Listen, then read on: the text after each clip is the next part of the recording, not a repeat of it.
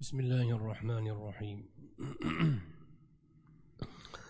الحمد لله الذي أرسل رسوله بالهدى ودين الحق ليظهره على الدين كله. والصلاة والسلام على سيدنا محمد المبعوث رحمة للعالمين وعلى آله وأصحابه أجمعين. السلام عليكم ورحمة الله وبركاته. عزيز دين قرداشلر ilm va siyrat muxlislari. Siz bilan abu iso muhammad ibn iso at termiziy rahmatullohi alayhining shamail al muhammadiya muhammadiy shamoil nomli asarlarini o'qib kelayotgan edik. O'qiyotgan o'rganayotgan bobimiz rasululloh sollallohu alayhi vasallamning xulqlari haqida kelgan hadislar bobi edi. Bugun ushbu bobdan o'tgan safar tugatgan hadisimizdan keyingi hadisdan boshlab o'qiymiz. بسم الله الرحمن الرحيم وبالسند المتصل عن شيوخ إلى المصنف أبي عيسى محمد بن عيسى الترمذي رحمة الله عليه وهو قال حدثنا قتيبة بن سعيد وأحمد بن عبده وهو الضبي وهو الضبي والمعنى واحد قال حدثنا حماد بن زيد عن سلم العلوي عن أنس بن مالك رجل به أثر صفرة. قال وكان رسول الله صلى الله عليه وسلم يكاد وكان رسول الله صلى الله عليه وسلم لا يكاد يواجه أحدا بشيء يكرهه. فلما قام قال للقوم لو قلتم له يدع هذه الصفرة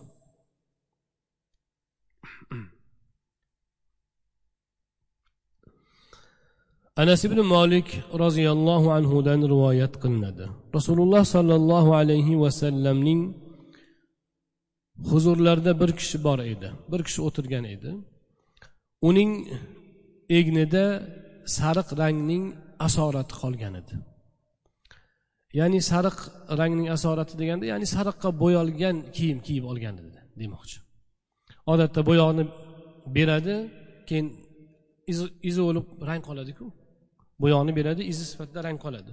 Shunga o'xshash e, demak sariqqa bo'yalgan kiyim kiyib olgan edi rasululloh sollallohu alayhi vasallam odatan hech bir kishiga yoqtirmaydigan u u suymaydigan holatda muqobil bo'lmasdilar.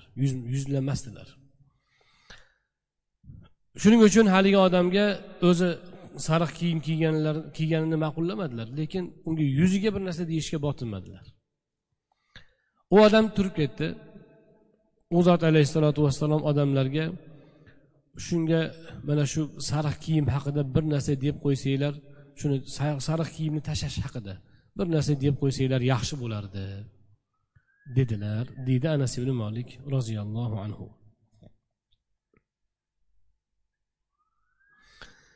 Ushbu hadis sharifda payg'ambarimiz alayhissalotu vassalom sap sariq kiyim kiyishni yoqtirmaganlari tushuniladi. Nimaga shundoq desa sariq kiyim kiyish u vaqtlarda asosan kofirlarni kiyim bo'lgan ekan. Payg'ambarimiz alayhissalotu vassalom amr ibn osni sariq sap sariq kiyim kiyganini ko'rib nega buni kiyib olding? Bu axir kofirlarni kiyimiku? degan ekanlar. U vaqtda demak sap sariq kiyim kiyish o'sha jamiyatda ma'lum bir toifa ya'ni iymonsiz toifaning xususiyati ularning bir tashqi ko'rinishdagi alomati hisoblangan ekan. Shuning uchun rasululloh sollallohu alayhi vasallam sariq kiyim kiyishni ma'qullamagan ekanlar. Rangda shumlanish yo'q. Rangning o'zida gunoh yo'q rangning o'zida shumlanish yo'q. Lekin u rang qaysidir bir e, dinsiz toifani eslatyapti. Odatda shular shunaqa mana shu rangda kiyinishar ekan o'sha vaqtda. Shuning uchun rasululloh akram alayhissalotu vassalom bu kiyim sariq kiyimni ma'qullamadilar u zotni huzurlarida o'tirgan sahoba u musulmon edi lekin befarqlikdan o'shanaqa o'sha boshqa kofirlar kiyadigan rangdagi sariq kiyimni kiyib olgan ekan.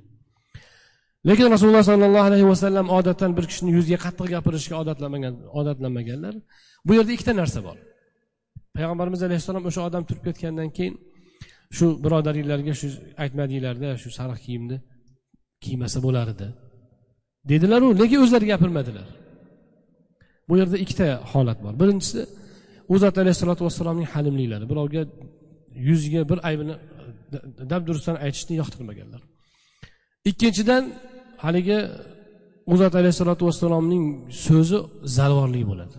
Sahobaga qattiq botishi mumkin. Sizlar aytsanglar u unga unaqa qattiq botmas edi. Men gapirsam u haligi hammani oldida aytilsa bo'lib ham hammani oldida aytilsa bo'lib ham nabiy alayhissalotu vassalomga muhabbat qilib turgan bo'lsa haligi odam ishtiyoq bilan unga gapirsalar unga diliga qattiq qattiq tegishi mumkin buni. Lekin sizlar aytsanglar shu haqiqat unga yetib boradi.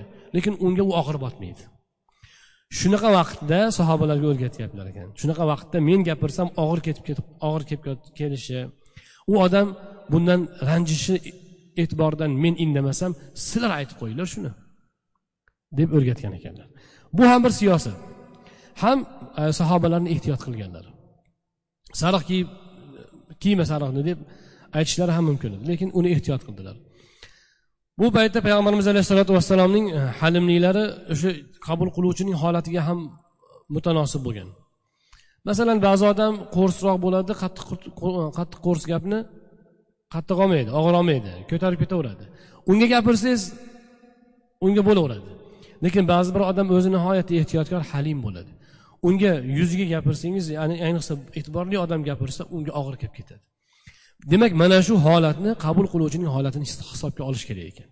Rasululloh sollallohu alayhi vasallam aslida munkar ishni ko'rganda uni albatta qaytarganlar. Bu yerda nega o'zlari shundoq qaytarib qo'ya qolmadilar desa birinchidan bu sariq kiyim kiyish u zotida o'zi munkar ish emas edi sariq rangni o'zi gunoh sariq rang sariq rangning o'zi shar'an shunaqa bir harom emas edi. Bu yerda tashbeh jihatidan karohiyat bor edi. Va bu e, taqiq karohiyat darajasidagi taqiq edi juda harom darajasidagi holat emas edi. Shuning uchun payg'ambarimiz alayhissalotu vassalom bunga bevosita o'zlari muolaja qilib o'zlari bunga qarshi kurashishni lozim topmadilar. Lekin sahobalarga aytdilar sahobalar bu gapni eshitgandan keyin hoy hoynahoy ular orqa varaqdan bu gapni yetkazadi. Haligi kishiga demak keraklik ma'lumot ta'limot yetib boradi. Lekin payg'ambarimiz alayhissalotu vassalom odatdan birovga u rasulullohdan kutmagan muomalani qilishni istamaganlaridan haligidek ehtiyotkorlik qilgan ekanlar. Bu ham bo'lsa rasululloh sollallohu alayhi vasallamning halimliklari va insonlarni o'ta rioya qilganlaridan. Payg'ambarimiz alayhissalotu vassalomning e, axloqlariga nazar solsak u zot alayhissalom insonlarni ayniqsa mo'min musulmonlarni o'z ashoblarini nihoyatda rioya qilganlar. Umuman sahobalar ham shunga o'rgangan. Ular ham rasulullohni rioya qilishar edi. Payg'ambarimiz alayhissalotu vassalomning huzurlarida ular e, mana hozir keyingi hadislarda kelib qolsa kerak rasululloh sollallohu alayhi vasallam huzurlarida hatto yuzini boshini tik ko'tarishga gohida botina olmasdi. Mana shunaqa ajoyib bir go'zal madaniyat rasululloh akram alayhissalomning jamoalarida mavjud edi.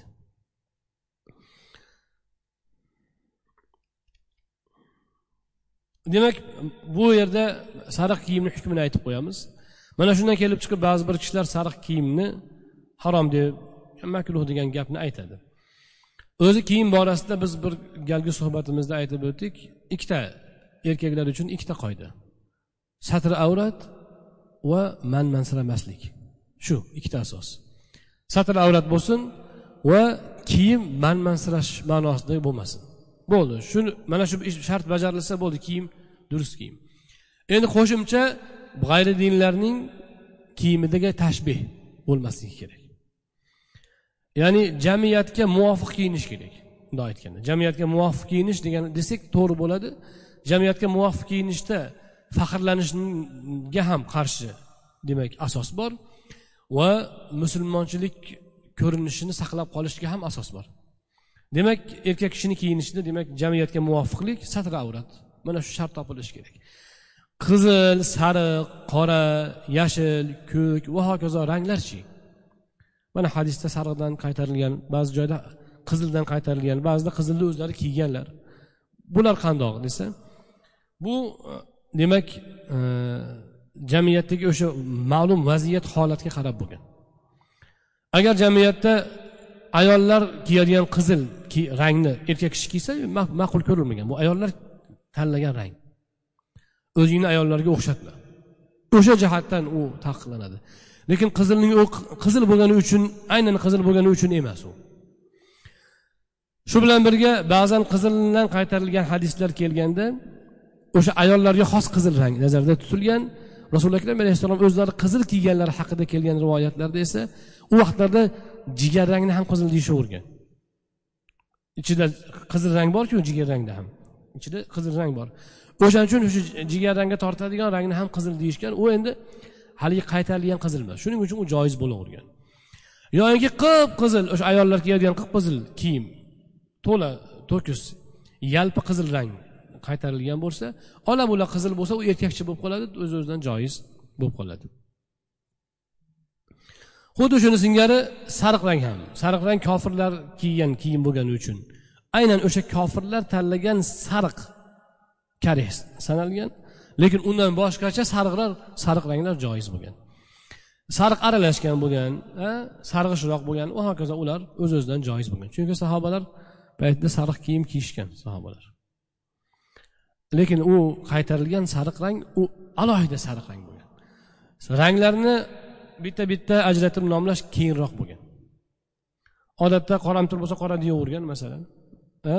Hozir endi ranglarni shu ellik yuz xilga bo'lib bitta har bittasiga bittadan rang qo'yib nom qo'yib chiqilgan u endi ajradi lekin shunda ham to'rtta rang yo beshta rang ichida aylanaveradi hamma rang. Shundan to'q sariq och sariq qizil sariq shunaqa bo'lib ketaveradi. U sariq rang qizil rang degan qaytariqlardagi hadislarda qaytarilgan rang maxsus o'sha sariqni qaysidir darajasi. Qizilning qaysi bir holati nazarda tutilgan bo'ladi va ma'lum vaziyatga tegishli bo'ladi. Bugungi kunda sariq rangni kiyish masalan aytaylik mana misol uchun bitta oddiy misol. Buddistlarni kiyinish usuli bor. O'shalarni e, izor ridosi bor. Hali ihrom bog'lagandek bog'lab yurishadi. Shuni rangi bor. O'sha rang ibodat mazmuniga ega rang. Ya'ni qaysidir e, tushunchalardan kelib chiqib shu rang tanlangan. Ular aynan mana shu rangda kiyadi eh, o'sha ibodat kiyimini. Bundan boshqa rang u ibodatga durust hisoblanmaydi loaqal afzal hisoblanmaydi. Demak rang nima bo'ldi? Diniy tus oldi. Mana shu rangni kiyish o'z o'zidan makruh bo'ladi. Taqiqlanadi. Nega desa u rang o'sha qaysidir toifaning diniy ramziga aylanib qoldi. Rang ma'nosida mana shu qoida. Lekin jamiyatda unaqa gap yo'q. Odamlar oq ham sariq ham kiyib yuribdi bo'ldi. U rangda muammo bo'lmaydi. Rang borasidagi taqiqlar bu holatga tegishli hisoblanmaydi.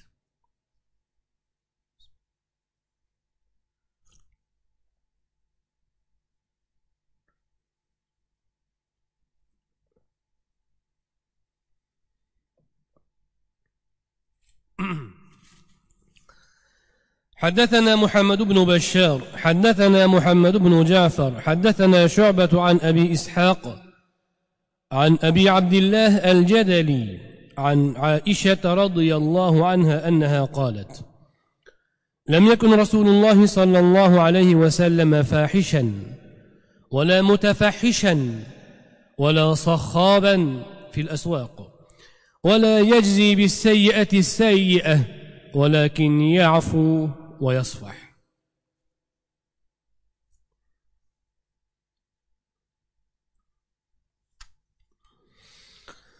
oysha roziyallohu anhodan rivoyat qilinadi rasululloh sollallohu alayhi vasallam fahsh ish so'z qiluvchi inson emasdilar fahsh deganda bizda odatda faqat shu zino shu atrofdagi gaplar tushuniladi lekin arab tilida fahshda u ham bor birinchi o'rinda Lekin arab tilida fahsh deganda har qanaqa uyatli narsa beposhna gap fahsh bo'laveradi. Masalan birovga nisbatan o'ta ochiq odam aytaylik ozor oladigan darajada ochiq gap bu ham fahsh bo'ladi. Gapda fahsh qildi desa arab tilida. Birovni uyattiradigan ochiq gap beposhna gap bo'lsa mana shu shunga kiradi. Rasululloh akram alayhissalotu vassalom mana shunaqa beparda gapiradigan odam emasdilar beparda ish qiladigan kishi emasdilar. Bundan tamom uzoq edilar vala mutafahishan. O'shanaqa fahsh buzuq beposhna beparda gaplarni harakat qilib qiladigan kishi ham emasdilar. Ya'ni ma'lum vaziyatlardagina qiladigan kishi ham emasdilar. Tabiatda shunaqa bor kishi ham emasdilar. Bu yerda fahishan mutafahishan degan gap kelgan. Ikkalasini o'zagi bitta. O'sha fahsh beposhnalik bepardalik behayolik beandishalik. Shu. Ikkalasini nima farqi bor? Fahish mutafahish nima farqi bor desa fahish degani bu o'sha beposhnalik behayolik tabiatga singan degan. Tabiatga singib qolgan u tabiatan shu. Shunaqa beparda odam. Mutafahish esa u o'zi unaqa emas tabiatida. Tabiatda unaqa bepardalik yo'q. Lekin gohida birovlar shunaqa gap gapirsa o'shalar bilan bellashaman o'shalar bilan birlashaman o'shalarga mos gapiraman deb o'shalarga muvofiq beparda gap gapiradi. Bu mutafahish bo'ladi. Rasuli akram alayhissalotu vassalom tabiatan buzuq beposhna gapdan uzoq zot edilar shu bilan birga birovlar shunga o'xshash qiliq qilib gapirsa o'shanga moslashib o'shanga muvofiq gap topaman deb izdan chiqadigan chegaradan chiqadigan ishga ham yaqinlashmasdilar. Bundan ham uzoq edilar. Va bozorlarda baqir chaqir qiladigan kishi emasdilar. Bozorlarda baqir chaqir qilish degan gap bu bozorda umuman ko'pchilik orasida jamiyatda baland ovoz bilan gapirish nazarda tutiladi nazarda tutiladi bu gapdan. Savol tug'iladi. Xaridor chaqirish borku ey olib qoling kelib qoling. deb masalan bozorlarda olib qoling kelib qoling o'zi bittagina qoldi olmasangiz qurib qolasiz deb. Uni baqirib e'lon qiladiku yoki e'lonlarni baqirib qilinadi. U qanaqa desa bu boshqa masala. U bozorda baqir chaqir qilish haligi zubudin ma'nosida. Katta ketish ma'nosida. Boshqalardan o'zini ovozini ustun qo'yish ma'nosida baland gapiradigan odamlar bo'ladiyu. Ey nima deyapsan? U bu deb hammani bosib gapirgisi keladi. Mana shu bu yerda nazarda tutilayotgan qoralangan holat mana shu. Lekin o'zi odatda gapirganda muomala munosabatda oddiy gapiradi. Lekin har doim chaqirayotganda ey kelib qoling olib qoling deydi. Bu chaqiruv ma'nosidagi ovoz ko'tarish bu joiz. Yoki e'lon a eshitmadim e, eshitganlar nima? Eshitmadim demanglar. Misol uchun jar solish mumkin oldinlari shunaqa bo'lgan. Bunda ham ovozni ko'tarish joiz. U zaruratan gohida bo'ladigan holat. Qaytarilayotgan holat esa rasuli akram alayhissalotu vassalomdan e, demak u zot alayhissalomda yo'q deb aytilayotgan yomon hislat esa bu odatan baqir chaqir qilib gapirish. Shunaqa odamlar bormi yo'qmi bozorda? Bor.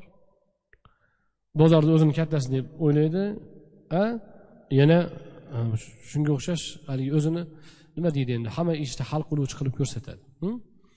mana shu holat demak rasuli akram alayhissalomning siyratlariga zid holat ekan. Payg'ambarimiz alayhissalotu vassalom yomonlikka yomonlik bilan javob qaytarmas edilar. Bu o'ta qiyin bir egallash qiyin bo'lgan xislat inson tabiatida inson tabiatida o'chash o'chashish bor. Qasos olish bor. Qasoskorlik bor inson tabiatida. Odatda qasosda bo'rtirish bor. Bir shapaloq ursa ikki shapaloq uradi. Ikki shapaloq ursa bir musht tushiradi bir yo'li misol uchun. Odatda inson ortig'i bilan qaytarishga intiladi. Endi ana shunaqa bitta gapirsa bitta so'kinsa ikki marta so'kinaman deb tursa inson tabiati. Lekin rasuli akram alayhissalotu vassalom yomonlikka yomonlik qaytarmasdilar. Yomonlik qilsa unga javoban yomonlik bilan javob bermas edilar. Balki oyat karimada idfa billati hiya ahsan degan olloh hiya ahsanu sayya idfa billati hiya ahsanu sayya yomonlikni eng yaxshi javob bilan qaytar. Yomonlikka javob qaytarganingda javoblarni eng yaxshisini qaytar.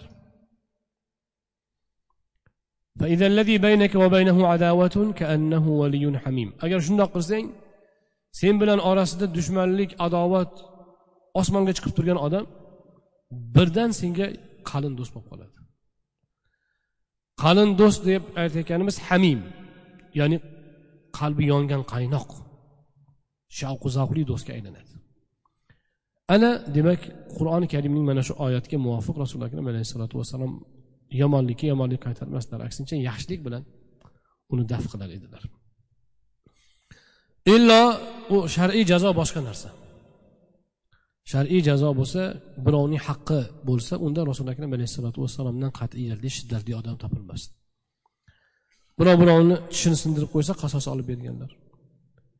Bir ayolni bir cho'ri ayolni homilasini bir ikkinchi ayol tosh bilan urib homilasini tushirganda unga xunun to'lattirib berganlar. Va hokazo. Rasuli akram alayhissalotu vassalom shar'iy hadlarni odamlar o'rtasida adolat o'rnatishni mana shunga doir ishlarni jiddiy qabul qilganlar va bunda qat'iy turganlar. Lekin o'zlariga shaxslarga nisbatan bo'lgan ishlarda esa rasuli akram alayhissalom o'ta bag'rikeng kechirimli bo'lganlar. Valakin yafu va yasfah lekin u zot yomonlik qilgan odamni kechirardilar va unga bag'ri kenglik qilardilar.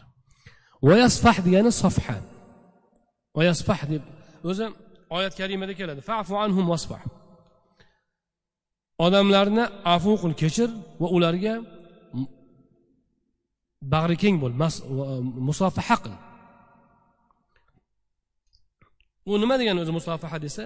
O'zi safha yasfahu degani bo'yinni mana bu e, yuza tomoni borku mana bu. Mana shuni shuni birovga o'girsangiz shuni yasfahu deyilar ekan aslida. Lekin bu jismoniy harakat bo'lgan asli fe'l. Lekin keyin majoziy ko'chma ma'noga aylangan qanaqa ma'noga desa bir kishi yomonlik qildi mayli uka kechirdim dedingiz. Bu kechirish. Lekin yomonlik qilganini bilmaganga olib qo'yish bu o'sha yuzni burib bo'yin bilan go'yoki uni bundoq qilib bo'ynini unga bo'ynini qilib turib yuzini o'girib tag'ofulga olish yomonlik qilganini ham kechirganini ham bildirmasdan unga bag'ri kenglik qilish. Mana shuni safaha yasfahu derkan. Rasuli akram alayhissalotu vassalom nafaqat kechirmay qo'yardilar. Bag'ri kenglikni qarang. Ko'ngilni kengligini qarang. Kechirmay qo'yish o'zi katta ish. Birov bir yomonlik qilsa e, kechirib qo'ysangiz o'zi juda katta qahramonlik qilgan bo'lasiz. Haqiqatdan qiyin ish. Buni qildingiz. Lekin bu rasuli akram alayhissalotu vassalomning kechirimlilariga nisbatan bu kam ekan.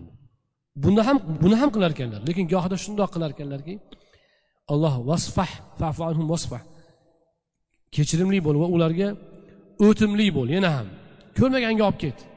degan ma'nodagi oyatga muvofiq rasuli akram alayhissalom yomonlik qilgan odamni yomonlik qilganini bilganlarni ham bildirmay qo'yar ekanlar shuni ham sezdirmas ekanlar xuddi ko'rmagandek bo'lib o'tkazib yuborar ekanlar mana bu u zot alayhissalotu vassalomning bag'ri kengliklari edi navbatdagi hadis حدثنا هارون بن إسحاق الهمداني حدثنا عبدة عن هشام ابن عروة عن أبيه عن عائشة رضي الله عنها قالت ما ضرب رسول الله صلى الله عليه وسلم بيده شيئا قط إلا أن يجاهد في سبيل الله ولا ضرب خادما ولا امرأة. oysha roziyallohu anhodan rivoyat qilinadi rasululloh sollallohu alayhi vasallam hech narsani qo'l hech qachon qo'l bilan urmadilar. Ya'ni hech birovga qo'l ko'tarmadilar. Rasululloh sollallohu alayhi vasallam hech kimga qo'l ko'tarmaganlar. Illo ollohning yo'lida jihod qilganlar. Va birorta xizmatkorni ham birorta ayolni ham urmaganlar dedilar oysha roziyallohu anhu rasuli akram alayhissalotu vassalom hech kimga qo'l ko'tarmagan ekanlar. Illo olloh yo'lida jang qilganlar deganda payg'ambarimiz alayhissalotu vassalom nechta dushmanni o'ldirganlar? Kim biladi?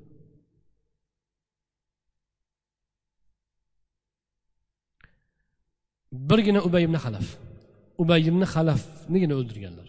Rasuli akram alayhissalotu vassalom o'nlab g'azovatlarda ishtirok etgan bo'lsalarda biror kishini o'ldirmaganlar. Biror kishiga demak e, e, biror kishini demak jangda ham hatto joniga qasd qilmaganlar. Illo ubay ibn halaf ubay ibn halaf rasuli akram alayhissalotu vassalomga qilich o'qtalib rasulullohni o'ldirmoqchi bo'lib turgan paytda o'shanda nayzani olib otganlar. Nayza otganlarida shu bo'yniga shilib o'tib ketgan. Shilib o'tib ketganda o'sha bilan u o'lgan. Ba'zilar aytadi bu mo'jizaviy holatda bo'lgan deydi. Ya'ni rosmoni tegmagan shal shilib o'tib ketgan shunga o'lgan. Va undan boshqa biror kishini rasuli akram alayhissalotu vassalom o'zlari o'ldirmaganlar. U ham jangda dushmanni o'ldirish bo'lgan. Boshqa biror joyda biror kishiga qo'l ko'tarmagan ekanlar. Eng badbaxt odam payg'ambarni o'ldirgan odam yoki payg'ambar o'ldirgan odam deyiladi. Chunki payg'ambar o'ldirgan odam u eng baxtsiz inson bo'ladi. Ubay ibn halaf ana shundoq badbaxt inson bo'lgan. Rasuli akram alayhissalotu vassalomga o'ta katta qattiq dushman bo'lgan va jangda u zot alayhissalotu vassalom ana shu nayza bilan uni o'ldirganlar. Boshqa joyda payg'ambarimiz alayhissalotu vassalom tomonidan birorta kishiga demak qasd bo'lgani rivoyat qilinmaydi. Yo'q. U zot alayhissalotu vassalom birorta xizmatkorni urmaganlar biror ayolga qo'l ko'tarmaganlar deydi oysha roziyallohu anhu rasuli akram alayhissalotu vassalom demak xizmatkorlar uradigan ish qilmaydimi? Bo'lishi mumkin. Xizmatkorlarda shu uradigan ish sodir bo'lgan bo'lishi mumkin. Lekin rasuli akram alayhissalotu vassalom ularga ham bag'ri kenglik qilgan edilar ularni urmagan edilar. Gohida tanbeh bersalar ham nihoyatda muloyimlik bilan tanbeh berganlar. Ayollar ayollari onalarimiz endi dunyodagi eng oliyjanob ayollar bo'lgan. Lekin ayollik jihatdan ba'zi bir kamchiliklar o'tgan bo'lishi mumkin. Nabiy alayhissalotu vassalom birorlar birorta onamizga demak qattiq tegmagan ekanlar. Illo ularga rasuli akram alayhissalomni qilgan choralari yo nasihat bo'lgan yo qattiqroq koyish bo'lgan allohdan qo'rqin degan xitob bilan yoyinki ulardan yuz o'girish bo'lgan. Mana shuni o'zi kifoya qilgan.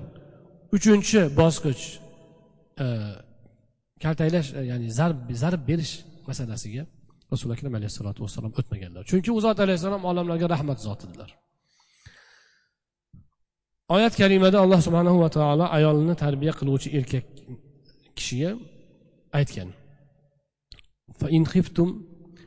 agar فالصالحات قانتات حافظات للغيب بما حفظ والتي تخافون نشوزهن bosh ko'tarishdan qo'rqsanglar ayollarni ya'ni itoatsizlik boshdan yassayoq itoatsizlikni avjiga olib chiqib yoqadan tortadigan bo'lib ustiga chiqib haligi uxloq bilan quvlaydigan bo'lganda emas.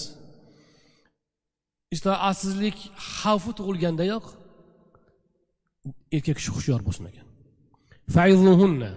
va'z qilsin. Ularga va'z qilinglar. Va'zda to'g'irlansa to'g'irlandi yaxshi. Allohdan qo'rq bu ish noto'g'ri. Olloh buni halol qilgan buni harom qilgan a mana bu shariatga muvofiq ish bo'ladi desangiz to'xtasa alhamdulillah. Solih ayol shunaqa bo'ladi. Soliha ayol ida amartaha atoatga buyursang itoat qiladi. U buyrug'ingiz shariat doirasida bo'lsa bo'ldi itoat qiladi. Mana bu solih ayolning siymosi hisoblanadi. Buyurdingiz itoat bo'lmayapti. Hatto shariatga zid chegaradan chiqish holati bo'lyapti. Nasihat qiling. Nasihat qiling degan buyrug'ini tagida deydi mufassirlarimiz. Demak erkak nasihatga yaraydigan bo'lishi kerak. Bitta gapirsa ikkita gap qaytarsa gap yeb qolaveradigan bo'lmasligi kerak. U bilimda ustun bo'lishi kerak. Va'z nasihat qiladigan darajada tafakkur aql bo'lishi kerak. Hozir kuyov bolalar kelyapti gaplashsangiz o'n to'rt yashar bolaga o'xshaydi. Yigirma beshga kirib uylanyapti yigirma sakkizga kirib uylanyapti yigirma sakkiz yasharda yigirma besh yasharda navoiy vazir bo'lgan. Bular hozir ba'zi bir yigitlarimiz keladi hammasi emas ba'zi birlar gaplashsangiz pointor sointor haligi tentakka o'xshaydi gaplar. U hech qachon nasihat qilolmaydi demak u tarbiya topmagan o'zi erkak tarbiya qiladigan darajada bilim salohiyatni shakllantirish kerak uylanishdan oldin. O'shaning uchun olloh sizlar erkaklar nasihatga yaraydigan bo'lasizlarku. O'shaning uchun birinchi nasihat qilinglar. Nasihatga yaramasa bo'ldi endi keyingi choralar o'z öz o'zidan o'rinsiz ham bo'lishi mumkin yoyinki samarasiz bo'lishi aniq. Ikkinchi chora joyini alohida qilish. Rasuli akram alayhissalotu vassalom ayollar onalarimiz o'sha bir ikkita sal e, demak u zot alayhissalomga yoqimsiz tasarruf qilganda qilishganda. U zot alayhissalom ilo qilganlar bir oy. Mana shu bilan hamma yo'q joyga tushgan. Chunki onalarimiz ham nihoyatda rasulullohni tarbiyasini olgan ayollar bo'lgan. Ular olloh uchun jonini fido qiladigan odamlar bo'lgan. Shariatdan gapirilsa qur'on hadis desa nafsini yer bilan yakson qila olgan ayollar bo'lgan. Hozir ba'zi bir o'qimishli qo'sh tirnoq ichida o'qimishli ayollarimiz bor kitob o'qib qo'ygan. Mana deydi payg'ambarimiz ayollari ham deydi rasulullohga gap qaytargan men ham gap qaytaraman. Deydi. Rasuli akram alayhissalotu vassalomning ayollari bir marta ikki marta ayollik bilan bir rashk bilan bir ikkita tasarruf qilgan bo'lsalar o'sha ham aslida taqqoslasangiz o'ta shirin bo'lgan. Odamga malol kelmaydigan g'aliz emas va chegarada bo'lgan. Shu bilan birga ba'zi birlari tarbiya bosqichi bo'lgan. Rasululloh tarbiya qilayotgan payt bo'lgan. Yana ba'zi bir jihati ular o'sha ishni davom etmagan. Bitta qilgan kamchilik xato noto'g'ri bo'ldi deyish bilan to'xtatgan. Bo'ldi yana qayta davom etaveramiz. Bitta tavba qilib ikkinchisini davom ettiraveramiz bo'lmagan. Tavbai nasuh bo'lgan. U qayta bu o'sha kamchilik takrorlanmagan. Sahobiy ayollar aytadi um-, ummi dardoni gaplari bor. Zamonasidagi ayollarga aytganlar. Biz sahobiyalar erlarimiz oldida sizlarni cho'rilaringlar xo'jasi oldida qanaqa turadi? Shunaqa turardik deganlar. Ya'ni itoat quloq solish mana bu latofatda ana shunaqa go'zal bo'lgan. Endi gohida to'lib toshib bir ikkita xato o'tsa albatta erkak uni afu qiladi o'tim qiladi. Ba'zi bir hadislarni tarjimasida ham hali g'aliz ketib qoladi. Erga gap qaytargan deb tarjima qilingan hadislar bor. O'sha hazrati umarni xotini mana rasulullohni ayollari ham erga gap qaytaradiku rasulullohga gap qaytaradiku deb tarjima qilingan. Asli u so'z roja u Er-, erga gap qaytarish degandagi bizdagi ada desa bada deyish emas u asli. Erning gapiga fikriga zid gap aytish. Ya'ni unga odob bilan mana o'g'ling peshinda aytaylik masjidga borsin meni oldimga desa yo'q dadasi peshinda borolmaydi meni doktorga olib borish kerak deganga o'xshagan gap. Bir fikrni aytsa uni ziddini aytish. Mana buni gap qaytarish deb aytilgan tarjima qilingan gap shu. Uni biz o'zbek tiliga gap qaytarish deb tarjima qilishgan o'rasa keyin bo'lib bergan. U ada desa bada dedish tolash tortish unaqa emas. U sahobalar odatda erkaklar bitta gap aytsa ayollar shunaqa qat'iy qaror qonun deb qabul qilgan. Lekin gohida gohida ayol kishi ham inson erkak kishi ham inson xato o'tadi. Bunaqa vaqtda afu qilingan.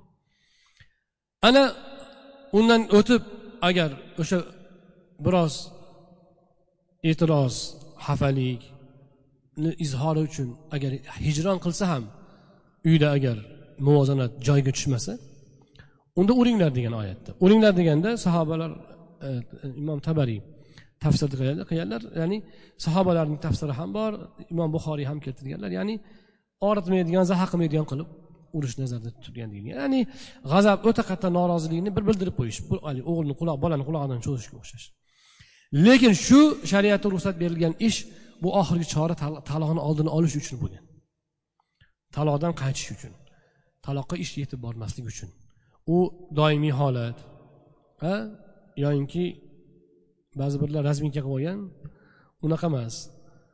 Yoyinki alam achchig'i emas g'azabni sochish emas u tarbiya ma'nosida qilinadigan oldingi ikki bosqichdan keyingi chora sifatida ruxsat berilgan va uni ham o'ta qaytlangan rasuli akram alayhissalotu vassalom ana shundoq qaytarganlarida keyin abu dovudni rivoyatlarida keladi hazrati umar kelganlar.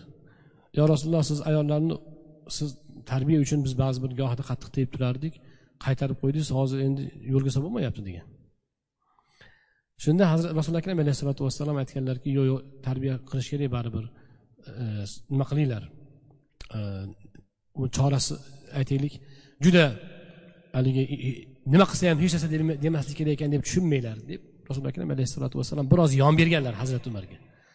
Yon bersalar keyin ish yana ba'zi bir jihatdan aksincha bo'lib qolgan. Ya'ni ba'zi bir kishilar chegaradan chiqib qo'ygan. Shunda rasuli akram alayhissalom xutba qilib aytganlar.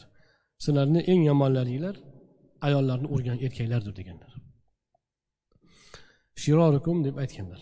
Va rasuli akram alayhissalotu vassalom o'zlari esa ayollarni urmagan ekanlar ularga hech ham qo'l ko'tarmagan ekanlar. Er xotin o'rtasidagi janjallarni asli negizi nima bilasizlarmi? Eng markaziy nuqtasi. Rashk.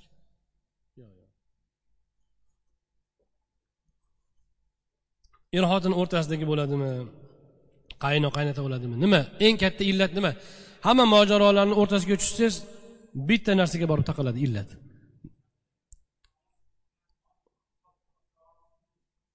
Nafs tarbiyasi. Nafs tarbiyasi ruhiy tarbiya yo'qliginiki hammasi. Hammasi shunga borib taqaladi. Erkakniki ham ayolniki ham. Agar ruhiy tarbiya joyida bo'lsa ayol ham er ham nihoyatda sokin yashaydi. Ruhiy tarbiya qachon bo'ladi? Ruh o'zini o'zi tarbiya topmaydi. Aytaylik ba'zi bir mana hozir faylasuflar bor misol uchun. Aqlli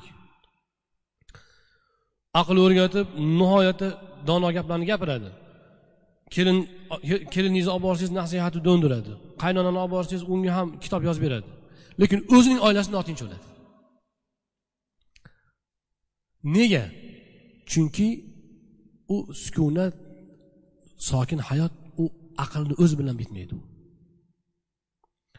u. Nafs tarbiyasi ruhiy tarbiya bilan qalb bilan bo'ladi. Qalb tafakkurni o'zi bilan tozalanmaydi hech qachon. Siz rosa o'ylab tafakkur qilib mana shu to'g'ri shu noto'g'ri deb tasbni o'girib chiqsangiz ham nafsingiz tarbiyalanmaydi. U nafs qalb nima bilan tarbiyalanadi? U yolg'iz bittayu bitta chora allohga bog'lanish bilan tarbiya qilinadi boshqa chora o'yicha boshqa umuman boshqa chora yo'q. Qalb allohga bog'lanib olloh bilan bo'ladi ruh keyin tozalanadi. Undan boshqa aqlli gaplar haligi ba'zida ishlar ba'zida e, ish bermaydigan yarim yorchilik ishlar endi ular. Ular yordamchilar.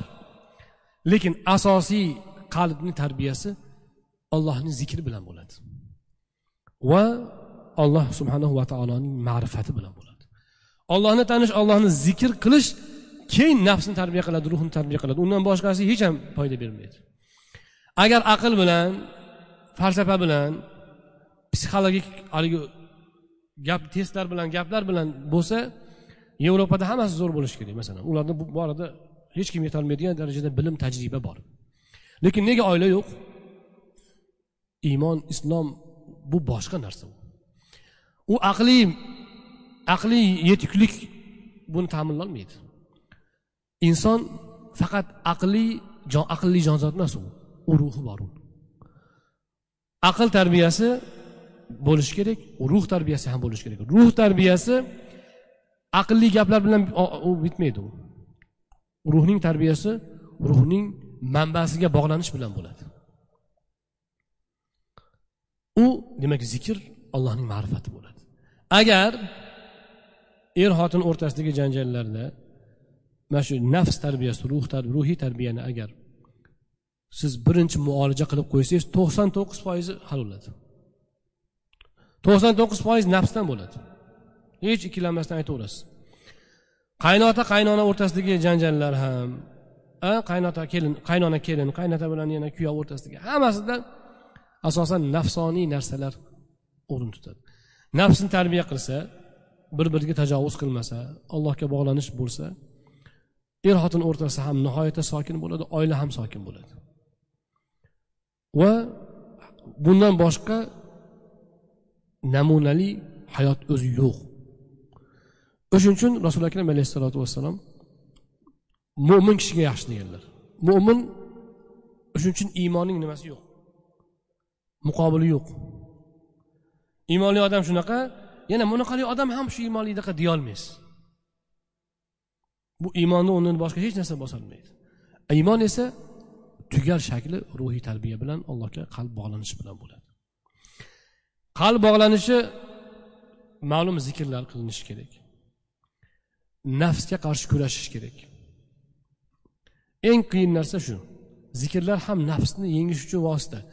Ba'zi bir kishilar bor yuztalab ikki yuztalab mingtalab istig'forda aytadi bu yoqda nafs hakalak yotib yuraveradi foydasi yo'q uni. U nafs kelayotgan tomondan unga qarshi siz tura olishingiz kerak. Ikki marta aytganingizni ziddini qiling? Shunaqa zo'r sizga halovat beradi. Keyin o'zingiz qiziqib qolasiz. Faqat u birdan bo'lmaydi. Va albatta bunga mana shuni mujohada o'shaning uchun bu jihod katta jihod bu. Chunki nihoyatda qiyin narsa. Jangga bir qiziqishda chiqib yuborishingiz mumkin. Allohu akbar debda chiqib yuborasiz bu yerda vatan himoyasi desa din himoyasi desa chiqib yuborishingiz mumkin qiziq keyin orqaga qaytolmay ketaverasiz misol uchun bo'lishi mumkin yoyinki yerda gardkan bor bir bo'ladi yutsangiz bo'ldi nafs xotirjam ishingizni qilib ketaverasiz nafsniki nega katta jihod desa nafsniki u yigirma to'rt soatlik jihod u. U besh olti soatlik emas u. Yigirma to'rt soat kechayu kunduz u sizni charchatadi uni yengish tashqi dushmanni yengish osonku ichki dushmanni yengish qiyin u qiyin u. Tinch qo'ymaydi. Hali u deb hali bu deb sizni bezovta qilaveradi. Mana buni tarbiyasi bo'lsa agar biz oilaviy mojarolarda ko'p guvoh bo'lamiz to'qson to'qqiz foiz oilaviy mojaro shunda hal bo'ladi. Suv sepgandek bo'ladi. Demak rasuli akram alayhissalotu vassalomning ayollari bilan u zot alayhissalomning munosabatlarida eng katta yutuq nafs tarbiyasi bo'lgan. Ruhiy tarbiya bo'lgan nafs tarbiyasi allohga rasuliga itoat qalbga tok singanidan nihoyatda sokin bo'lgan. Ba'zi bir insoniy kamchiliklar o'tadi ketadi. U insonni hayotiga salbiy ta'sir ko'rsatib bir izdan chiqarmaydi. Lekin insonning hayotini oilaviy oilaviy hayot oilaviy hayot u sizni hayotingizni hamma jabhasiga ta'sir qiladi. Uyingiz notinch bo'lsa hech qaysi ish yaxshi bo'lmaydi. u uy sizni muvozanatingizni buzadigan darajadagi uydagi notinchlik bu juda yomon narsa bunaqa janjallarga u rasuli akram alayhissalomni ayollarini hujjat qilish bu nobakorlik bu nonko'rlik bu rasuli akram alayhissalotu vassalomning xonadonlarida unaqa izdan chiqadigan holat bo'lmagan navbatdagi hadis حدثنا أحمد بن عبده الضبي حدثنا فضيل بن عياض عن منصور عن الزهري عن عروة عن عائشة رضي الله عنها قالت ما رأيت رسول الله صلى الله عليه وسلم منتصرا من مظلمة ظلمها قط.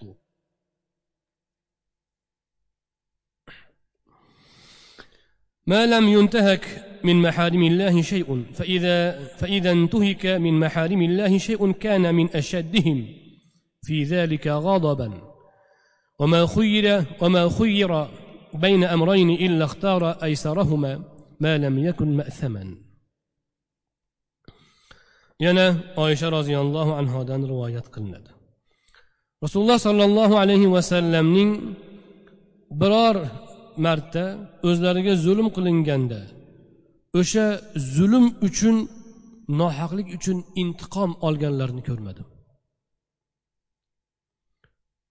Payg'ambarimiz alayhissalotu vassalomga qilingan dushmanlik ham o'ta katta dushmanlik bo'lgan. Chunki rasuli akram alayhissalom aytganlar payg'ambarlar eng ko'p baloga uchraydigan insonlar deganlar. Eng ko'p mashaqqat eng ko'p sinov payg'ambarlarga bo'ladi. Chunki sinov iymonga qarab bo'ladi o'zi. Iymonga qarab sinov keladi daraja o'shanga yarasha bo'ladi keyin siz iymoningizga yarasha sinov kelsa shu chatoq o'tida iymon kuchaytirib yuborganimiz sinov kattayib ketdi demang. U sizni yangi bir yuksak darajaga eltish uchun kelgan bu allohning bir marhamati bo'ladi. Payg'ambarlarga musibatning hamma ko'rinishi og'ir kelgan. Rasuli akram alayhissalom aytganlar men sizlarga nisbatan ikki barobar istimalayman deganlar. Hatto oddiy istima ham ikki barobar tushadi keladi. Ikki barobar bo'ladi.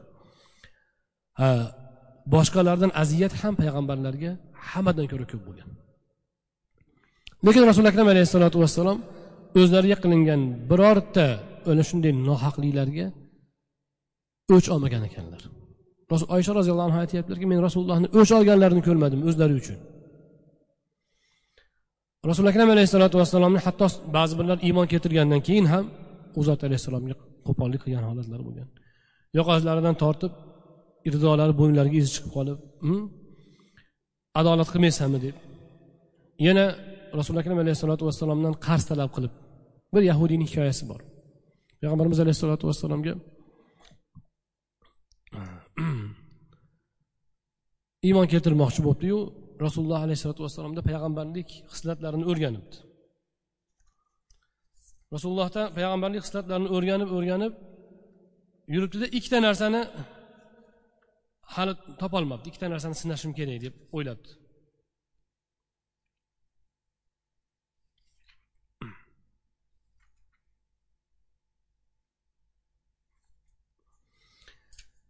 Keyin rasuli akram alayhissalotu vassalomga qarz beribdi. Payg'ambarimiz alayhissalomga qarz beribdida keyin qarzni muddatdan oldin kelib hammani oldida qo'pollik bilan so'rabdi. Ey muhammad u birovni haqini yeb yuborasanmi sen? Bermaysanmi qarzingni? Deb dag'allik qilibdi hazrati umar roziyallohu anhu ey ollohni dushmani agar rasululloh izn bersalar hozir o'zim seni tinchitardim. Uningni o'chir debdilar. Shunda rasuli akram alayhissalotu vassalom aytganlarga hazrati umarga zayd ibn sana degan yahudiy bo'lgan keyin iymon keltirganlar. Sana hmm. hazrati umarga rasuli akram alayhissalomni adolatli gaplarini qarang. Ey umar uni o'rniga sen menga birovning haqqini yaxshi ado etishni nasihat qil. Unga esa haqqini yaxshilikcha talab qilishni nasihat qil. Shunda to'g'ri ish qilgan bo'lasan dedilar hazrati umarga. Keyin rasuli akram alayhissalotu vassalom hazrati umarga aytdilar buni qarzini falon narsadan uzib qo'y dedilar. Hisob kitob qilib qarzni uzishdi. Shunda zayd ibn sana aytdiki men dedi bu payg'ambarliklarda hamma payg'ambarlik payg'ambarlikni hamma xislatini ko'rdimu lekin ikkita xislatini bilishim kerak edi. Birinchisi o'zi uchun intiqom oladimi u? Axloqini buzadimi? Yoki ikkinchisi halimligini ushollaydimi mana shuni men bilish uchun sinagan edim. U men o'ylagandan ham olijanob ekan. Endi men musulmon bo'laman deb keyin musulmon bo'lgan deyiladi ana o'sha rivoyatda. Ana rasuli akram alayhissalotu vassalom ana shundoq Э, demak gohida o'zlariga qilingan nohaq so'ragan. Chunki hali muddati ikki uch kun oldin bo'lgan. U atay sinash uchun bo'lgani uchun shunaqa bir ikki kun oldin so'ragan. Sen nega ikki kun oldin so'rab to'polon qilyapsan? Demadilar. O'shanga ham muloyimlik bilan javob qaytardilar. Og'ir bosiqlik bilan. Mana bu rasuli akram alayhissalotu vassalomning demak siymolaridan edi. Oysha roziyallohu anhu gapni davomida aytadilarki lekin bu rasuli akram alayhissalomning bag'ri kengliklari bu ollohning shariatiga aloqador bo'lmagan ishlarda edi. Olloh harom qilgan ishlarga kelganda esa agar olloh taqiq qilgan ishlarda agar ish buzilsa unda eng g'azabnok rasuli akram alayhissalotu vassalom bo'lib qoladilar. Eng keskin odam rasululloh alayhissalotu vassalom bo'ladilar. Bir ayol o'g'irlik qilgan uning qabilasi obro'li odamlar edi uning oilasi. Rasuli akram alayhissalotu vassalomga kelib ya rasululloh shu qo'lini kesmaylik. Ayol kishi biz sharafli oila biz oilamizga isnot bo'ladi. Deyishsa rasuli akram alayhissalom qabul qilmaganlar yani qabul qilmasliklari aniq edi ular nima qilishgan? Usoma ibn zayd rasululloh yaxshi ko'radilar. Usoma orqali aytib yetkazamiz. Usoma roziyallohu anhu uni rasuli akram alayhissalotu vassalomga uqtirib u zotni ko'ndirib beradilar deyishgan. Shunda o'rtaga tushgan usoma roziyallohu anhu. Shunda rasuli akram alayhissalom ey usoma sen ollohning haddida ollohning qonuni o'rtasida sen qonuni o'rtasiga tushmoqchimisan. Allohga qasamki agar muhammadning qizi fotima o'g'irlik qilsa qo'lini kesaman deganlar. Ya'ni bu ma'noda rasuli akram alayhissalotu vassalom qat'iy edilar keskin edilar. Mana shu joyda payg'ambarimiz alayhissalotu vassalom eng g'azablari qattiq inson bo'lib qolardilar degan gapda g'azab so'zi ishlagan. Demak g'azab gohida kerak ekan. Gohida g'azab demak o'rinli paytda u kerak bo'lar ekan. Payg'ambarimiz alayhissalotu vassalomning yana muloyimliklari axloqlari go'zalligidan bitta alomati shu ediki u zot alayhissalotu vassalomga ikkita ish ixtiyori berilsa agar joiz bo'lsa gunoh bo'lmasa albatta yengilini tanlardilar. Ikkita ish ikkita ish. Unisi ham bunisi ham joiz. Shariatda joiz. Rasuli akram alayhissalom yengilni tanlardilar o'zlariga kelganda azimatni istaganlar. Payg'ambarimiz alayhissalom o'zlari uchun azimatni lozim tutganlar. Odatda. Gohida ko'rsatib berish uchun yengillikni ko'rsatib berganlar. Lekin ommaga kelganda ularga faqat yengillikni ravo ko'rganlar. Odamlarga kelgan paytda ularga yengillik. Farz namozini o't beryaptilar. Namozni yengil o'qirdilar. Nega? Ommaning ishi. Ularga joiz. Kichik rozam sura ham joiz uzun ham joiz. Yengili qaysi biri? Kichik rozam sura. Kichik rozam sura bilan namoz o'qib berardilar. O'zlariga qolsa uzundan uzun namozni tahajjudni o'qirdilar. Va hokazo boshqa ishlarda ham rasululo akram alayhissalotu vassalom o'zlari azimatni ushlagan edilar. Bu odamlar uchun esa yengilligini tanlardilar. Va gohida esa kishilarga o'sha yengilni tanlashni o'rgatish uchun o'zlari uchun ham ikkita joiz ishdan yengilni tanlab ham amalda ko'rsatar edilar. Bu hadisni ba'zi bir kishilar suiiste'mol qiladi. Nima qiladi? Mazhablar o'rtasida yengilni tanlashga urinadi.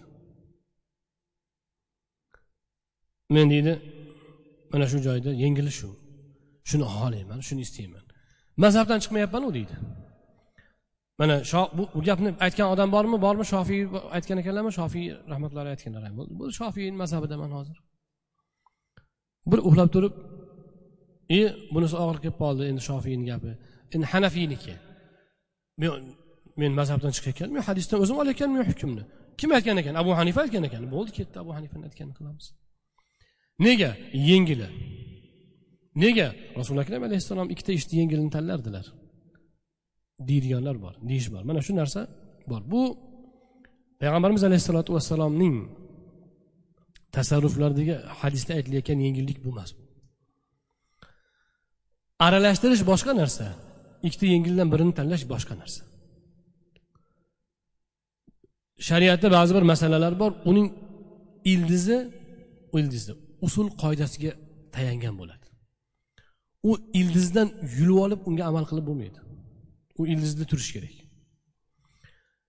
Ildizi bitta bo'lsa masalan unda ikkita ishdan yengilini tanlasangiz bo'ladi. Mana masalan tasbehni namozni tasbehini uchta aytsangiz ham bo'ladi beshta aytsangiz ham o'n bitta aytsangiz ham bo'ladi. Bitta ildizga tushadi bu. Aytavering yengilini olasizmi? Olavering. Yoyinki bitta ildizda bor masalalar. Shomni shomning ikkita vaqti bor. Birinchi vaqti ikkinchi vaqti. Ildizi bitta usuli bitta. Tanlang ixtiyorini tanlang. Lekin ildizi boshqa bo'lsa qonun qolipi boshqa mazhabi boshqa bo'lsa bunda u yengilini tanlashga qarab ketish unda joiz emas u. Nega desa siz bu masalaning ildizini bilmaysizku. Endi sizda nima bo'ladi? Sizda havoga ergashish bo'lib qoladi dalil bo'lmay qoladi. Masalan aytaylik safarda shunday jamlashni bir joyda so'rashdi masalan saharlikda edi so'rashyapti. Safarda qiynalamizku deyapti. Safarda qiyinchilik bo'ladi. Boshqa mazhabda imom shofiy mazhablarida masalan jamlash mumkin ekan. Asr bilan peshinni shom bilan xuftonni yengilni olib ketaversak bo'lmaydimi? U ham bu ham shariatda borku. Mazhabdan chiqish emas bu deb qo'yadi ba'zi bir donolar. Agar shu mazhabdan chiqish bo'lmasa unda mazhabdan chiqish umuman yo'q bo'ladi u siz aytayotgan shariatda dalili yo'q narsani aytish u dindan chiqish bo'ladi u. Hech qaysi olim aytmagan gapni qilsangiz keyin siz mazhabdan chiqqan bo'lasiz ekan. U dindan chiqish u. U ahli sunnadan ahli sunnadan chiqib ketish bir yo'li. U mazhabdan chiqish u yengil aslida undan oldingi holat u. Mazhabdan chiqish degani usul qoidasidan undan bunga ko'chish degani. Usulsizlik degani. Bu hali shofiy hali hambaliy hali hanafiyni olayotgan hali molikni olayotgan o'sha mazhabdan chiqish o'sha bo'ladi.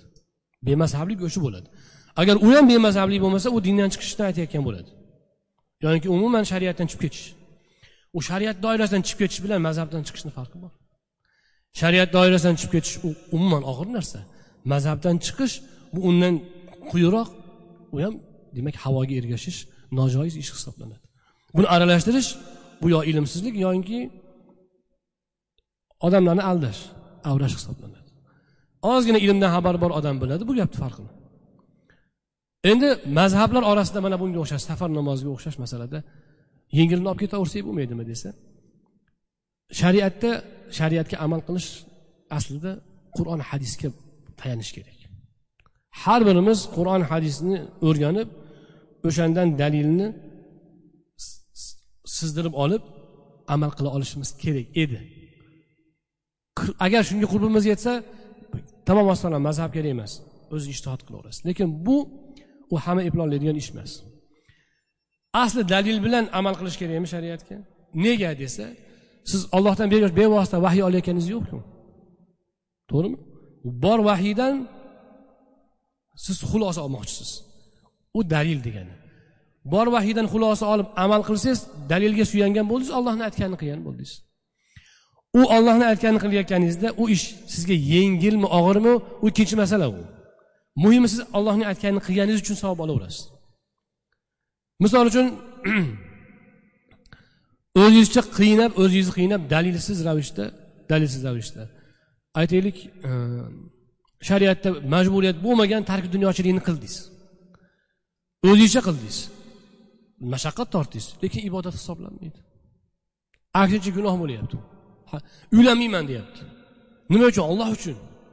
Qabulmi? Qabul emas. Nega? Olloh uni aytmagan. Nega? Dalil dalil yo'q unga. Endi qarang. Mana shu joyda men demak e, shariatga amal qilishda u og'ir yengilligi savobni belgilab bermaydi balki dalilga asoslangan bo'lishi kerak. Yengilmi u amal men uchun. Og'irmi? Dalilga asoslansa ibodat bo'ldi. Nega? Allohning aytganini qilayotgani zanjiri bog'landi. Lekin men dalilsiz harakat qilsam nima bo'ladi? Ikkita mazhabdan bittasini tanlayotgan paytda men tanlayotganda bundoq qarasam bunisi yoqib qoldi shuni olyapman. Men dalilda qaysi bir ustunligini o'rganganim yo'q. Qaysi birini dalili kuchliligini ko'rganim yo'q. Nimaga ergashgan bo'laman hozir? Nafs havoga ergashgan bo'laman. O'z o'zidan men u mazhabdan bu mazhabga o'tishim ibodat emas. U havoga ergashish bo'lib qoladi. Allohga bandalik yo'q bo'lib qoldiku. U yengilligi men u og'iriga o'tyapmanmi farqi yo'q. Agar og'iriga o'zimcha o'tsam ham dalilsiz bo'lsa u havoga ergashish bo'lib qoladi. Mana shu jihatdan u nojoiz bir ish bo'lib qoladi va havoga ergashish bo'ladi. Lekin mashaqqat bo'lgan paytda mustasno. Men masalan bitta mazhabda ketyapman. Mashaqqat shunaqa tor holat bo'ldiki mazhabga sig'may qoldi iloji yo'q. Mashaqqatning chegarasi u haligi yo'lda ketayotganda erinib qolishlar u mashaqqat hisoblanmaydi. U mashaqqatning shariatda chegarasi bor. Masalan ba'zilar majbur bo'lib qolib ichib qo'y deydi deb qo'yadi. Majbur bo'lganda ichib qo'yish mumkin. Shunaqa joyi bor. Majburligida ichsa gunoh bo'lmaydimi bo'lmaydi. Qachon majbur hisoblanadi? Gap mana shu joyda. Qachonki moliga joniga talofat aniq bo'lganda majbur hisoblanadi. Oshna oiladan ajrab qolish uyatib qolish va hokazo ular majburiyat hisoblanmaydi. Endi onam majbur qiluvdi keyin taloq qo'yib yubordi. Majburlikda taloq o'tmas ekanku o'tmaydi majburlikda taloq. Qachon o'tmaydi? Qachonki tanangizga birov qilichni bo'yningizga olib kelib taloq qo'ymasang hozir kalling ketadi desa taloq qo'yib yuboring o'tmaydi. Qo'lingni kesib tashlaymiz hozir taloq qo'ymasang. Qo'ying talog'ini o'tmaydi. Lekin ayoz ikkita do'q qurib qo'ysa dadasi ikki marta so'kib qo'ysa uni majburlash deyilmaydi. U majburiyat u u shariatdagi majburlash emas u. Xuddi shuni singari mazhab bitta mazhabga sig'may qolgan paytda mashaqqat degan chegara bor. Mashaqqat bo'lgan paytda boshqa mazhabdan foydalanish bo'ladi. Shariat kengayib beradi bu vaqtda. Lekin uning chegarasini ilm bilan belgilash kerak uni havo bilan belgilab bo'lmaydi. Men aytdim ularga safarda namoz jamlashga nima mashaqqat. Endi ikki marta tushish kerak. Baraka topib pistaga tushasiz. Pepsiga tushasiz. Yana qoningiz og'risa tushasiz. A? Birov akam ko'rishib olaylik desa tushasiz. Hammasiga tushasiz mashaqqat bo'lmaydi endi namozga tushish mashaqqat bo'lar ekanmi qanaqasiga u? Namozni pistachalik yoyinki o'sha nol besh yarim litr suvchalik nima qiymati yo'qmi shu u mashaqqat hisoblanmaydi. Mashaqqat bo'ladi. Masalan aytaylik mashaqqat mana hajda mashaqqat bor jamlanadiku mashaqqat bo'ladi. U boshqa masala bo'ladi. Uning chegarasini esa ilm bilan fiqh bilan belgilanadi.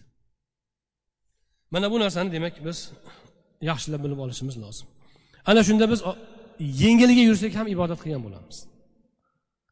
Chunki biz olloh shuni buyuribdi shu afzal ekan deb yuryapmiz. Bo'ldi.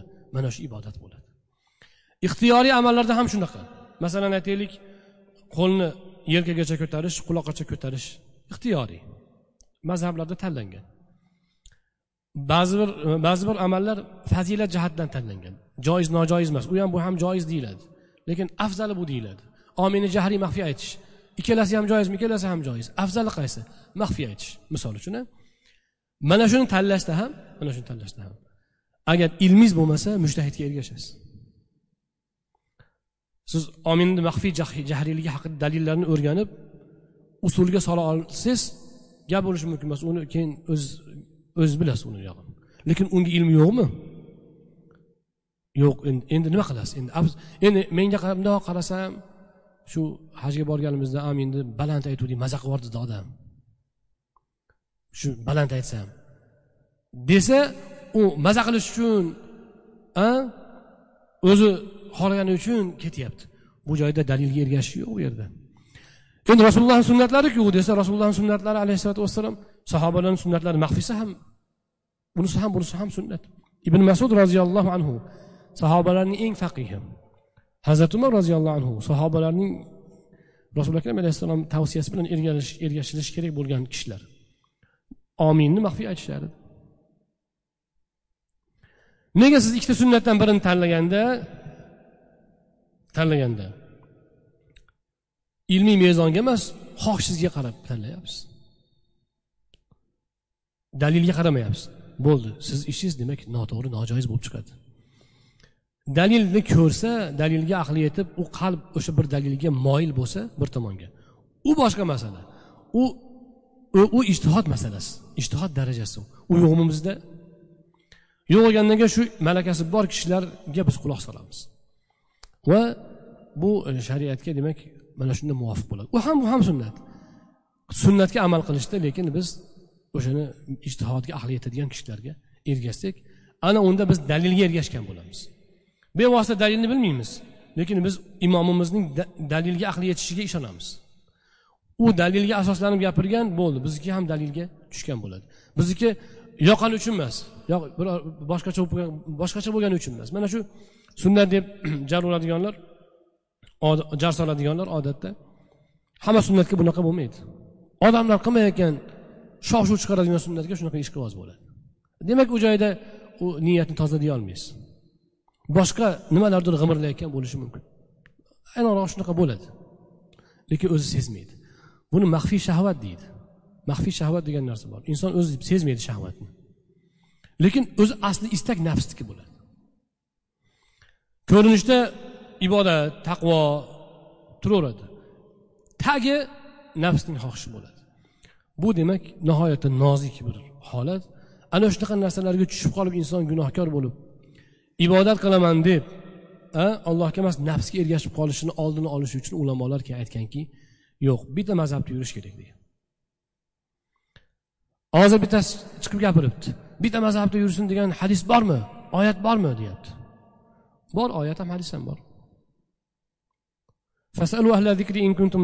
Bilmasanglar zikr ahlidan so'ranglar degan olloh zikr ahli ilm ahlidan so'rang degan.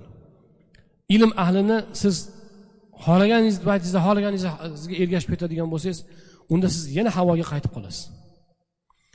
Tobiinlar paytida sahobalardan undan ham bundan ham fatvo olib yurishaverganku to'g'ri lekin sahobalarning tarbiyasi shundoq bo'lganki tobiinlar ham to'g'ri kelganini olib ketavermagan. Bir birini ustiga fatvo beravermagan. Abu dardo roziyallohu anhudan kelib fatvo so'rashganda qayerdan kelding? Iroqdan keldim ibn masud turib senda mendan fatvo so'raysan. Bor o'zidan so'ra deganlar misol uchun. Shu bilan birga ular tobiinlar shundoq tarbiyalanganki ular sahobalarni tarbiyasini ilmini olgan o'n yillab huzurida o'tirgan odamlar. Ular o'sha fatvoni tanlashdagi mezonni bilgan. O'shanga yarasha ilmi bo'lgan. U hozir siz bilan bizni singari oddiy omi bo'lmagan. Oddiy omilari esa shu ergashgan tamom. Ba'zi bir katta tobeinlar sahobalardan tanlagan bo'lsa ular o'zi salkam mushtahid bo'lgan yoki mushtahid bo'lgan rasmoni. Falonchi tobein undan bundan olgan ekan. Siz ham mushtahid bo'lsangiz undan bundan olsangiz bo'ladi. Mujtahid bo'lmaganingizdan keyin endi siz uni davosini qilishingiz noto'g'ri. Inshaalloh peshingi suhbatlarimizda buni asoslarini yana gapirib o'tamiz.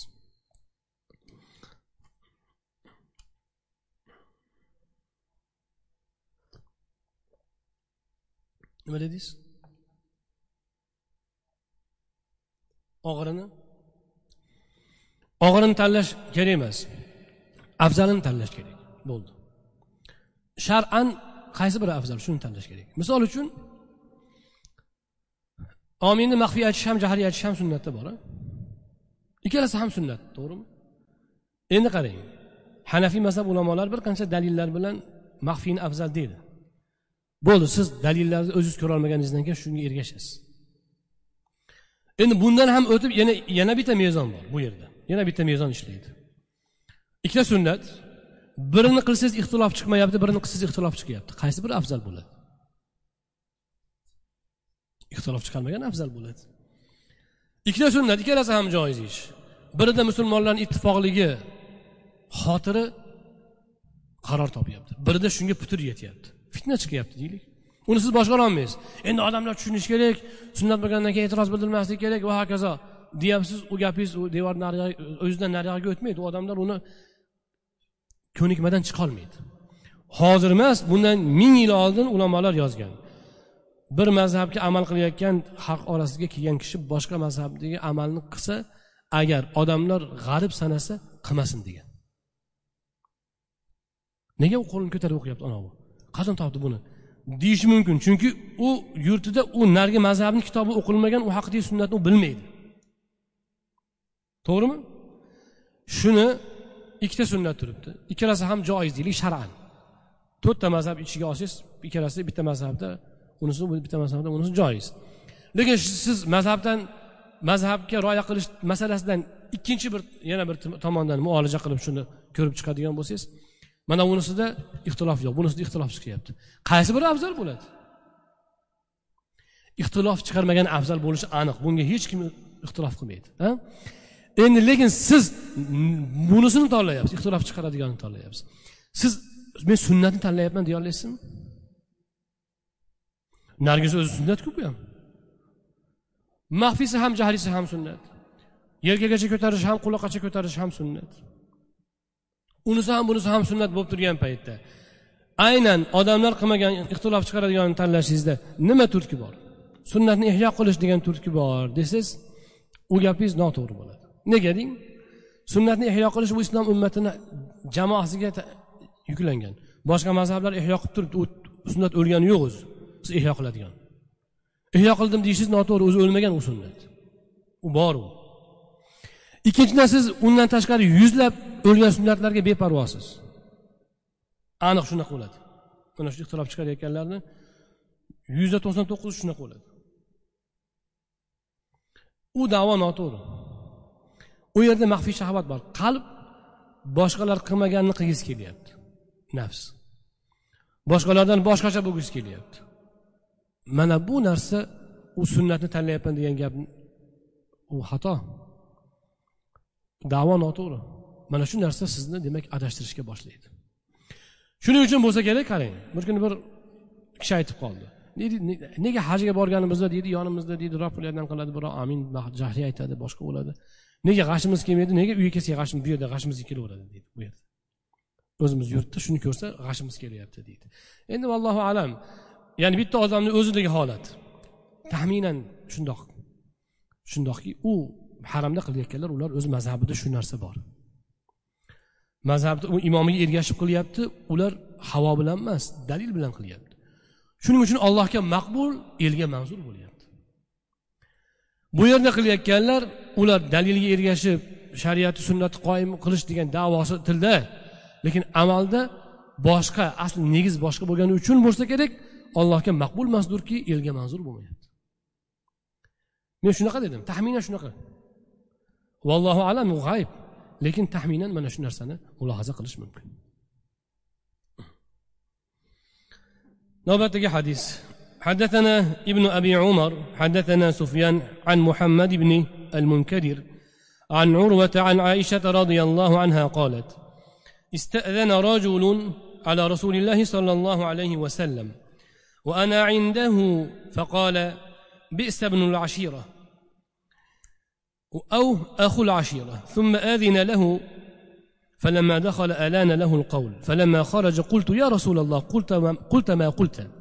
ثم النت له القول فقال يا عائشه ان من شر الناس من تركه الناس او ودعه الناس اتقاء fuhshihi oysha roziyallohu anhodan rivoyat qilinadi bir kishi rasululloh alayhissalotu vassalomning huzurlariga izn so'radi men ham u zotning huzurlarida bor edim u zot alayhissalotu vassalom o'z qabilasi o'z urug'ining qanaqa ham bir yomon o'g'li keldi dedilar Yoyinki o'z oilasining yomoni bu dedilar.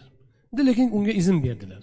U kirdi rasuli akram alayhissalom unga endi yumshoq gapirdilar. U chiqib ketgandan keyin men aytdimki ey allohning rasuli u kirmay turib deganingizni dedingiz. Keyin o'ziga yumshoq gapirdingizku muloyim gapirdingiz. Dedim deydi oysha roziyallohu anhu rasululloh sollallohu alayhi vasallam aytdilarki ey oysha odamlarning eng yomoni odamlar uning beandishaligi bepardaligi besharmligidan qo'rqib muomala qiladigan odamdir dedilar. Ushbu hadis sharifda ozgina izoh lozim joyi bor. O'sha odam uyayna ibn hasn e, uyayna ibn hisn al fazariy degan odam bo'lgan ekan. Munofiqlar munofiqlardan bo'lgan ekan o'sha vaqtda. Keyin musulmon bo'lib iymoni islomi go'zal bo'lgan lekin u vaqtda munofiq ekan. Qavmning kattasi bo'lgan ekan o'z qavmini orasida obro'li odam bo'lgan. Va u o'shanaqa beandisha zubidin mana shunaqa odam bo'lgan ekan. Va munofiq. Qalbida iymoni yo'q tilida musulmonman deb yurgan odam. Rasuli akram alayhissalotu vassalom uning o'sha yomon xislatidan musulmonlarni ogohlantirib qo'ymoqchi bo'lgan ekanlar. Bu ko'rinishda bunaqa bunaqa musulmonman deb kiraveradi o'zi asli e, munofiqligi bor shuni bir yaxshi odam emas bu. Deb uni tanitib qo'ymoqchi bo'lgan ekanlar. Lekin unga yaxshi gap gapiraverganlar. Nega desa u unga agar yomon gapirsalar uning kufri ziyoda bo'lar edi. Qattiq gapirsalar u yana ham izdan chiqar edi. Yaxshi gapirib uni yana qalbini ulfat qilishga urinishda davom etganlar. Lekin ayni vaqtdagi holati hushyor bo'lish kerak bo'lgan holat. Ana shuni bildirib qo'yganlar. Keyin bu g'iybat hisoblanmagan. Nega desa uning o'sha holati o'sha fojirligi o'sha vaqtda mashhur bo'lgan ma'lum bo'lgan. Uning ma'lum va mashhur fojirligini ba'zi bir kishilar bilmasa ham ko'pchilik bilgan. U yashirin aybini oshkor qilish sanab chiqish holati yo'q bu yerda. Shuning uchun buni g'iybat emas balki bu odamlarni ogohlantirish hisoblanadi. Shuning uchun chunki aytiladiki e,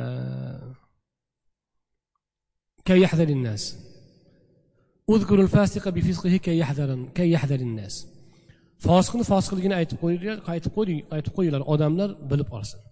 O'g'rini o'g'riligini aytib qo'ying. A mana shu chaqimchini chaqimchiligini odamlar bilsinki u oshkora. Shahamchilik qilib yuradi. Odamlar undan ehtiyot bo'lsin. Mana shu ma'noda haligi odamni ba'zi bir jihatini rasuli akram alayhissalotu vassalom aytib o'tdilar.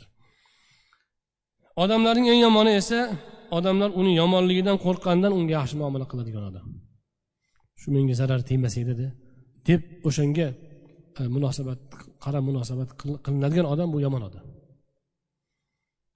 Chunki u unga nisbatan odamlar samimiy bo'lolmaydi.